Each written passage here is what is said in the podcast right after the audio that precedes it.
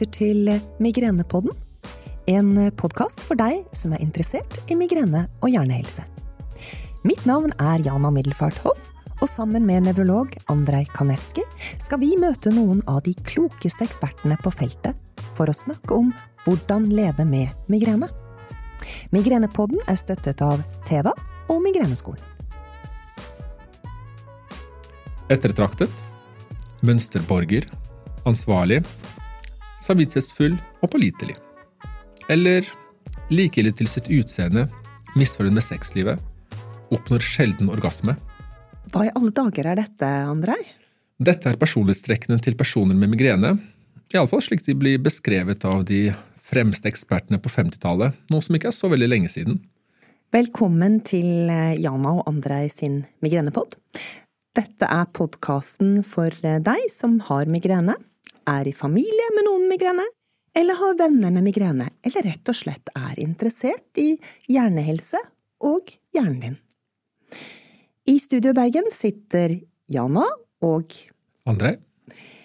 Eh, og vi sitter her fordi eh, vi ønsker å formidle noe til deg. Er du spent, André?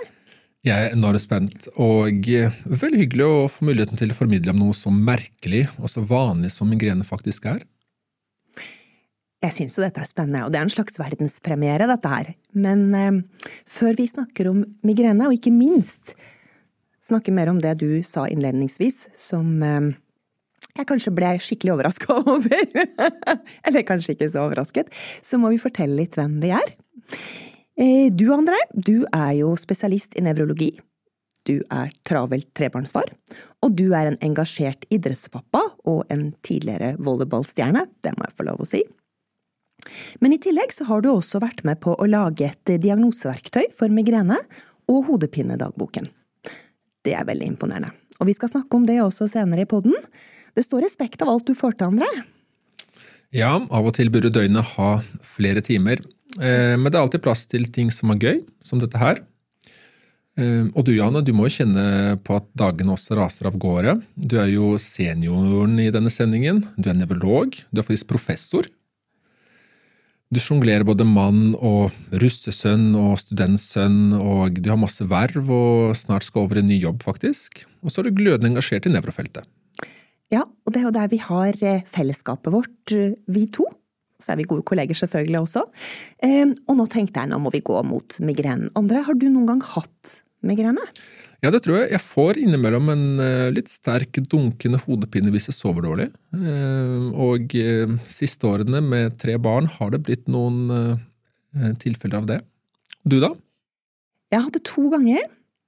Så jeg regner jo ikke for at jeg har migrene, men jeg vet hva det går i. Den ene gangen var jeg med uh, to små barn i tivoli i København.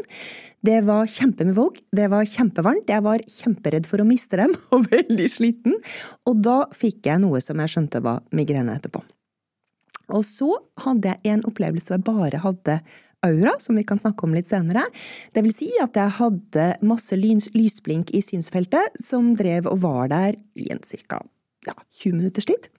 Og det var etter at jeg hadde vært på en veldig krevende trening. Av alle ting en boksetrening på helsestudio hvor jeg går, der går jeg aldri mer. Eh, og jeg bokset mot en mann til en kollega, så det var veldig sånn stressende, for jeg måtte jo liksom ikke være for rå mot han. Eh, så jeg spente meg antagelig godt og grundig, og da hadde jeg aura etterpå også. Men skal vi kanskje begynne da helt fra starten og fortelle om hva migrene faktisk er, André? Ja, det er en god idé. Eh, migrene som vi vet i dag, det er en hjernesykdom. Det vil si at eh, selve sykdommen sitter i hjernen. Eh, og det er jo ikke så lenge siden egentlig vi fant ut av det. Man skal ikke mange hundre år tilbake før eh, man trodde at migrene skyldtes onde ånder. Etter hvert kom jo vitenskapen på banen, og en periode trodde man at sykdommen satt i hjernens blodårer. Og før man eh, visste veldig mye, men likevel var vitenskapelig, så begynte man å dikte en del ting. Blant annet så trodde man jo at personlighet hadde mye å si for sykdom. Og det er der disse forestillingene vi begynte med, eh, kom fra. Eh, men den siste tiden har man blitt ganske trygg på at dette er en hjernesykdom, og en svært vanlig sykdom. Ja, for den er ganske vanlig. Det er rundt 900 000 nordmenn som har migrene. Jeg tenker at det er ganske mange andre. Ja, i verden en milliard. Det er jo helt, det er helt enormt tall, og det er den vanligste sykdommen som vi møter i det daglige som nevrologer. Og grunnen til at vi nå ser på migrene som en hjernesykdom, er at årsaken er tenkt å være en feilfunksjon i nervecellene, altså hjernecellene som sitter i hjernebargen. Eh, og denne feilfunksjonen henger sammen med arvestoffet vårt og kan utløses av forskjellige årsaker som stress, hormoner, faste, søvn, vær, alkohol og mange andre. Mm. Andrei, av og til så har du sagt eh, til meg at du syns at migrene er en merkelig sykdom. Hva, hva mener du egentlig med det? Ja, For det første så er det jo merkelig at selv om vi nå vet at det er en hjernesykdom, så er det jo ikke noe som vi kan se på bilder eller se i hjernen hvis vi skjærer den opp. Eh, hvis en person med migrene f.eks. går til legen og blir sendt til en MR, så er det for å utelukke ting. Det er ikke for å se etter migrene eller denne feilfunksjonen. Migrene er en tilstand som kun diagnostiseres på bakgrunn av symptomene. Ehm, og eh, dette kan noen ganger være vanskelig, spesielt hvis man har noe som du nevnte, Jan, nemlig aura. For det kan også ligne på en del andre, mer alvorlige eh, sykdommer som vi også er opptatt av. For det andre så er det jo merkelig at noe sånt eksisterer i det hele tatt, fordi du kan jo tenke deg at det går en milliard mennesker som får skikkelig vondt i hodet av og til, som gjør at de blir sengeliggende, blir kvalme, eh, lydsky, lydsky, vil helst ligge i et mørkt rom i eh, noen dager. Og eh, sånn rent evolusjonsmessig er det jo veldig rart, fordi det som evolusjonsteorien har jo lært oss, er at de svake må jo dø. Eh, fordi hvis man har egenskaper som gjør deg svak, spesielt altså hvis du blir da sengeliggende over dager, så er det noe som eh, minsker sjansen for at du får reprodusert eh, deg selv. Så hvorfor har egentlig en slik egenskap overlevd? Men der tror jeg av og til heldigvis for de som har migrene, og ikke minst for de andre av oss som har små lyter, at det kan være litt sånne nyanseforskjeller. Selv er jeg ganske nærsynt. Eh, og vi nærsynte skulle heller ikke ha en strålende fremtid i en verden hvor man bodde i mørke huler, og hvor det å ramle utfor en klippe var takk og farvel. Eh, men kanskje nettopp, da, sier min mor som er øyenlege, så egnet vi oss godt til å sitte der inne i hulen mens de andre løp etter eh, dyrene, og lage for eksempel små kunstverk eller tegne på grottehulene, og gjorde da at vi fikk eh, anerkjennelse på andre måter. Det kan jo være at de med migrene, når de da måtte ligge inne i hulen, så slapp de da å bli overfalt av rovdyr og sånn, sånn at det på en måte gjorde at de kunne overleve, mens de andre da som var ute støtt og stadig og kjekket seg, de eh, ble naturlig tatt av dage. Nettopp, for det, det er jo akkurat det man har også spekulert litt i, at eh, det å ha en hodepine som utløses av eksempel stress, kan det være at man da mindre søker konflikter. Og noen har også kanskje tenkt at eh, fordi noen kan få en migrene av inntak av diverse eh, matvarer eller, eller, sånn, så kunne det vært en respons på rett og slett gifte som man møtte i naturen. At hvis man da spiste noe som var giftig, så fikk man hodepine og lærte at dette skulle man ikke gjøre. Så det kan ha vært eh, visse fordeler med en eh, sterk hodepine også. Og nyere forskning eh, på arvestoffene eh, eller arvestoffet vårt viser at de samme genene som gjør en mer utsatt for migrene, også kan føre til at vi tåler kaldt klima bedre, noe som gjør at vi rett og slett har overlevd på disse breddegradene her. Og det er jo litt bra, fordi vi kommer til å snakke mye om at migrene er en ganske tøff sykdom å ha. Det er mye lidelsestrykk eh, knyttet til migrene. Det er mye symptomer, det er mye tøffe skjebner der ute, men det kan jo være greit å, å, vite at kanskje i et evolusjonsperspektiv så var det å ha migrene det var ugreit, men det var kanskje av og til også en mulighet til å leve et liv som var mer i pakt med, med natur og, og med en sjøl. Mm. Men det der med, med arvelige, det er jo eh, sterkt arvelig migrene? Veldig. Eh, forskning fra Norge, eh, oppe fra Trondheim, viste at eh, hvis du er den nærmeste slektningen, og det vil si da barn eh, eller søsken til personer med migrene, så har man altså dobbelt risiko for migrene hvis Eh, det er en migrene uten aura, og faktisk fire ganger så stor risiko for å få migrene hvis eh, det er en migrene med aura. Så det er en veldig sterk arvelighet. Og det passer jo med det pasientene forteller, og det passer jo faktisk med, med mitt uh, liv også. Jeg er i en familie hvor jeg har veldig mange med, med migrene. det var kanskje ikke hovedårsaken til at jeg ble nevrolog, men, men, det er sikkert en medvirkende årsak. Men det som kjennetegner mine migrenepasienter da, i min familie, er at de er menn, hovedsak. Det er et par hederlige unntak, men i hovedsak menn. Ehm, så det passer jo ikke helt med det vi, vi senere skal snakke om, at det er flere kvinner enn menn som har migrene. Men ehm, før vi gjør det, Andrei, eh, vi har snakket litt om aura. Jeg har snakket om lysblink i synsfeltet og litt sånn. Har du, har du lyst til å fortelle litt mer om hva, hva aura egentlig er? Aura er også et litt sånt merkelig fenomen, men det man tenker seg er at jo denne eh, feilfunksjonen i disse nervecellene den sprer seg som en sånn bølge gjennom hjernebarken, og ut fra hvor hjernen denne bølgen treffer, så vil man kunne få visse symptomer. For eksempel så er jo Eh, det vanligste aurasymptomet eh, det er jo det som går på syn, at man ser diverse sikksakk-fenomener og bølger og blinkinger og mm, sånne rare ting før hodepinen, eller samtidig som mm, hodepinen kommer. Og da tenker man seg at denne hjerneaktiviteten da nettopp går gjennom synsparken, altså det området i hjernen som har med syn å gjøre. Og så kan man ha andre aurasymptomer. Aura er egentlig et nevrologisk symptom som kommer før eller samtidig med hodepinen. Mm. Og hvis denne aktiviteten treffer der hvor du har bevegelse, så kanskje blir du eh, eh midlertidig svak i en arm eller bein.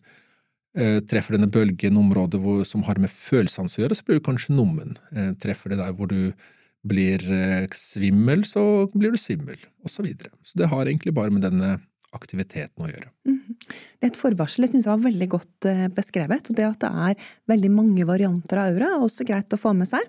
At syn er det viktigste, kanskje i form av, av lysblink, sånn som jeg opplevde den gangen. Men også veldig vanlig er jo tunnelsyn. Eller at deler av synsfeltet forsvinner. At man plutselig ser liksom en svart flekk. Mm.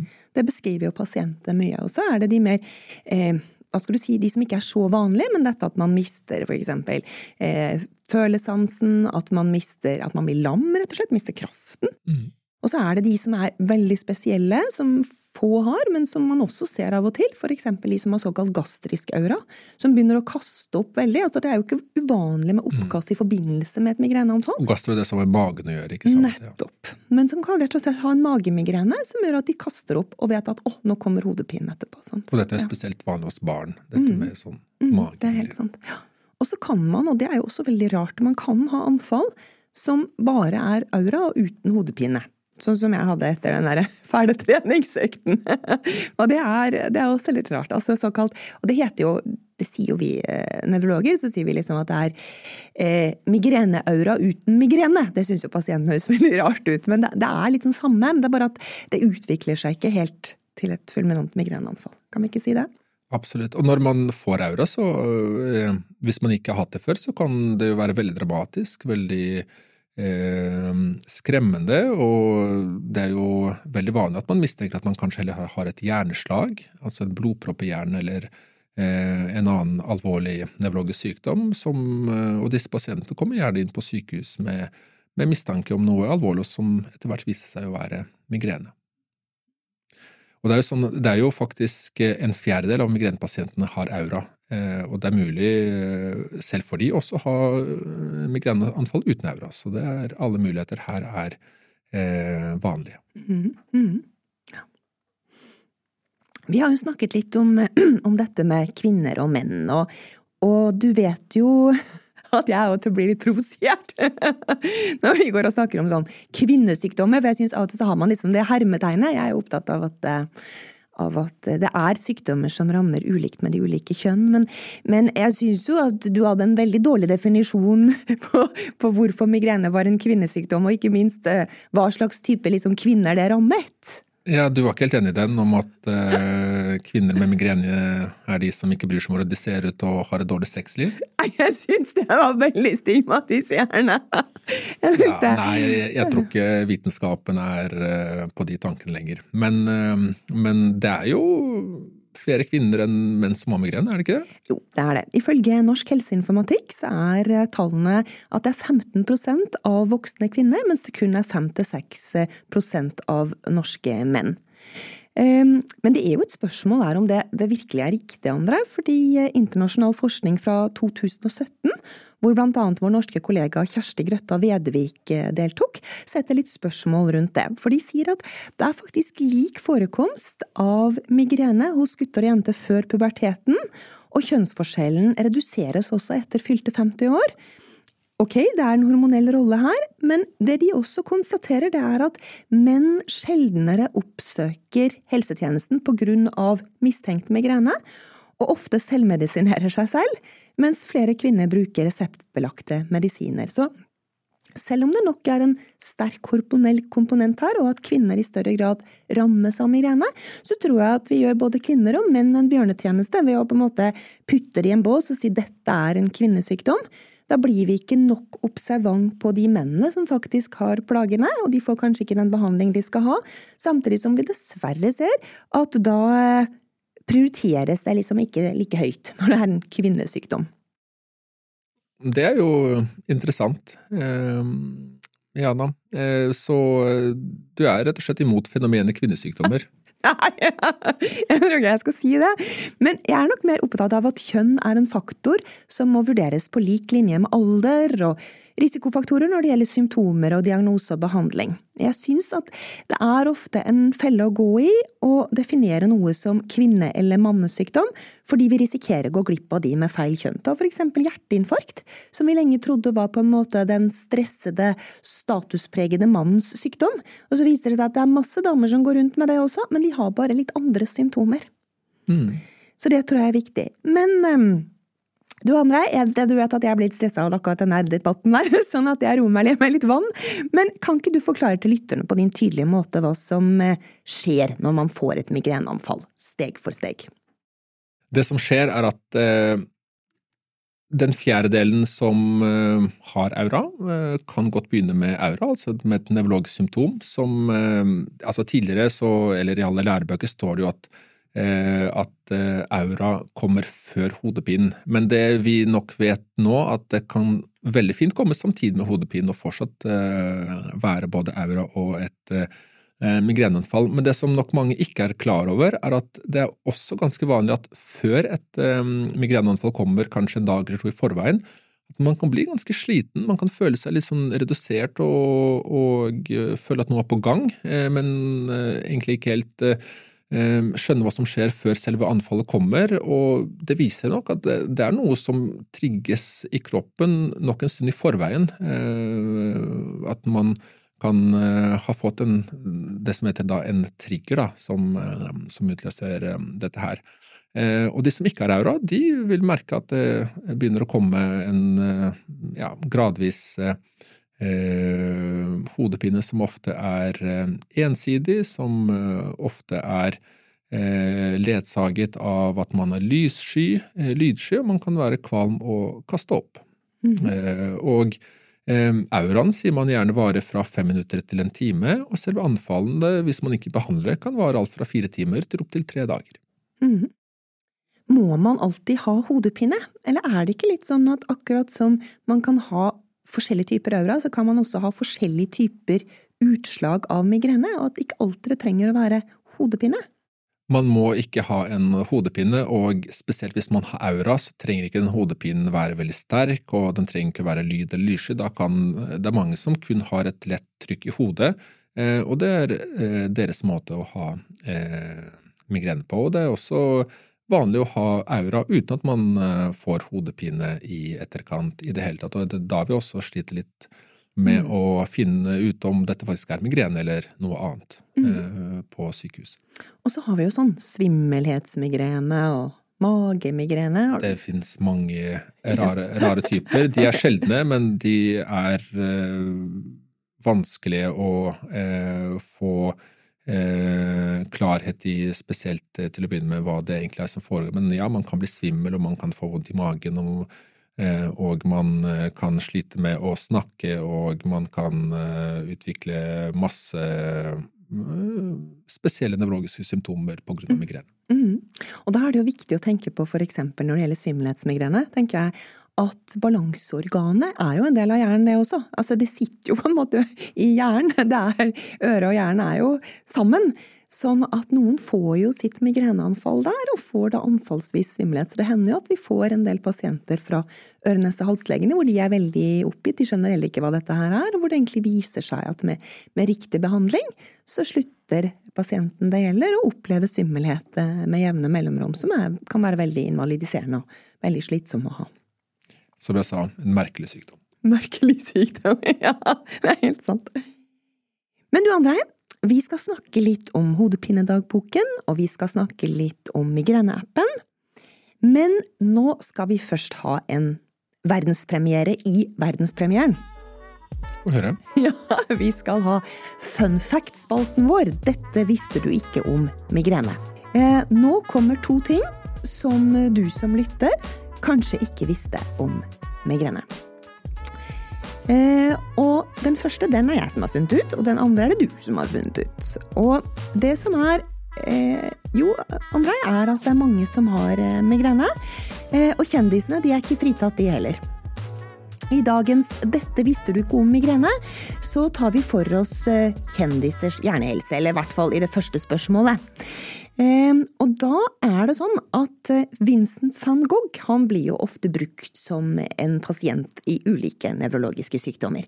Og mange har jo hevdet at han hadde epilepsi, men vi som driver med migrene, vi vet at det var migrene han hadde, og at auraen hans gjenspeiles i noen av bildene hans, pluss at han nok hadde den litt sånn sjeldne formen som kalles da for vestibulær eller svimmelhetsmigrene som vi snakket om som gjorde at han også var veldig ustø under anfall, og alle trodde at han hadde drukket, stakkar. Men vet vi Anna, hvilken forfatter som skrev følgende om sin helt? His headache was still sitting over his right eye as if it had been nailed there. Nei? Det er slik forfatteren Ian Fleming beskriver hodepinen til sin store helt James Bond. Eh, du hører at det er noen med erfaring eh, med migrene her? Ja, og det kan jo være årsaken til at James Bond alltid ber om shaken, not stirred. Fordi at han har migreneanfall og ikke tåler den der lyden av skeia som går rundt i glasset. vet du. Det kan han blir jo ofte både lyd- og lyssky av migreneanfall, og så mye som han eh, drikker, så har han jo en risikofaktor der. Absolutt, og han bør egentlig ikke drikke så mye martini heller. Det er faktisk forskning på at migrenepasienter har mindre risiko for alkoholmisbruk, da alkohol kan øke risikoen for migreneanfall, derfor unngår de de rett og slett. Det er jo kjempelurt. Veldig bra. Men nå skal vi tilbake til det mer seriøse og håndfaste andre. Kan du fortelle litt om Hodepinedagboken? Hva er det, hvorfor ble den laget, for hvem er den, og ikke minst, eh, hvem står bak den? I bunn og grunn, eh, og en av grunnene til at vi sitter her, er jo at eh, migrenepasientene er mange. Diagnosen er jo symptombasert, eh, og eh, for at legen skal kunne stille riktig diagnose, så er det viktig at legen får en god oversikt over dine symptomer, over hvor mange anfall med migrene man har, hvor sterke de er, eh, og om det er noe som utløser eller hjelper de. Og da er det klart beste hvis man noterer det på en eller annen måte. Om man bruker papirark eller eh, e-post eller hva som helst, spiller ingen rolle, men det er ganske hendig å ha en app. Eh, Og det finnes mange migreneapper, altså eh, Kompetansesenteret i Trondheim har jo hatt sin i mange år, som heter Hodepinedagbok A. Og så var det da en gjeng i Bergen som drev og lagde verktøy for kols. Eh, Som fungerte veldig bra, ja, eh, som var til stor hjelp. Fordi eh, når man skal behandle kols, så er det dokumentet som sier hvordan det skal gjøres, på rundt 300 sider. Det er kjempemye. så det er jo helt håpløst å, å sette seg inn i det i en travel fastlegehverdag, så da laget de rett og slett et nettverktøy som ganske enkelt sier om du har kols, hva slags type kols, hvilken behandling du du eh, trenger. Eh, og så skulle de eh, gjøre det samme for migrene, og han ene av disse kolsgutta er jo en gammel Volda-spiller. Ja, der ser du. og han kjente en annen Volda-spiller okay. som drev med migrene, og det var meg, så da sattes vi oss ned, og ved hjelp av en dyktig programmerer så lagde vi da en, et, både diagnoseverktøy og da denne appen Hodepinedagboken. Og den, den laster du bare ned på telefonen din, legger inn litt data om deg sjøl, og så er det veldig enkelt å legge inn når du har hodepine, hvor sterk den er, om det hjelper med medisiner, og alt dette vil både være hjelpsomt for deg, for å følge med på hodepinen, for å se om behandling hjelper, og for fastlegen til å kunne mm. stille en diagnose og behandle deg. Det er jo helt supert. Og jeg tenker det er jo så utrolig bra, for noe av det som er litt eh, slitsomt for pasientene, er jo at vi som leger alltid spør hvor ofte har du anfall, og vet du noe som utløser anfallet ditt, og så videre, sant. Og det kan jo være slitsomt å registrere hvis du skal skrive det opp noen steder, og så mangler du penn, og så er ikke blokka der, og sånn. Og dette er jo noe du kan gjøre umiddelbart, for de fleste av oss går rundt med mobilen overalt. Ja. Veldig enkelt og greit, og du kan også eh, lett sende dataene til legen din selv om eh, han befinner seg i en annen by eller et annet land eller på en annen planet. Så det er også en veldig hendig ting. Ja. Og nå skal andre slippe å si det selv, men jeg kan godt si det, og jeg er habil her, så jeg kan si at det har blitt et veldig godt verktøy. Og jeg håper at du, kjære lytter med migrene, bruker den og tar den med til din neste migrenekontroll. Så tenker jeg at vi begynner å nærme oss slutten, og da skal vi vel eh, summere opp eh, hovedbudskapet i sendingen. Kan ja, jeg gjøre det, André? Det kan du gjøre, Janne. ja. Og da tenker jeg at det er to punkt her. Det ene er at eh, til deg som lytter, og til deg som har migrene, kjenner noen som har migrene, eller er nær familie med noen som har migrene, vit at dette angår mange. Migrene er vanlig, både hos kvinner og menn. Der sa jeg det, André. Og så vet du nå at uh, Hodepinedagboken, migreneappen, er et godt verktøy for å finne ut hvordan du kan få best mulig behandling. Så bruk den. Var det greit, eller? Hørtes veldig bra ut. Og nå må jeg gå i barnehagen. Da ses vi til neste episode. Verdenspremiere avsluttet. Og hvis du som lytter lurer på noe mer, eh, vil vite noe, så er et fint sted å sjekke ut migreneskolen.no, eller på Facebook. Eh, og der får du lære mer om migrene, høre andres erfaringer om livet med migrene, og kanskje også få noen verktøy som du kan ta med deg videre i livet. Migrene er en sykdom i hjernen hvor det hyppigste symptomet er pulserende, ofte svært smertefull hodepine. Smertene er ofte ledsaget av kvalme og brekninger, lysskyhet og følsomhet for lyd. Årsaken til migrene er ikke fullt klarlagt, men smertene kan forårsakes av at blodårene utvides i deler av hjernen. Selv om det kan være ubehagelig, er ikke migrene farlig. Migrene er relativt vanlig. Én av fem vil oppleve migrene i løpet av livet. Informasjonen som gis i podkasten er av generell karakter og kan ikke erstatte legebesøk. Symptomer som nevnes her, kan også være tegn på annen sykdom, så oppsøk legen din hvis du er usikker eller har spørsmål.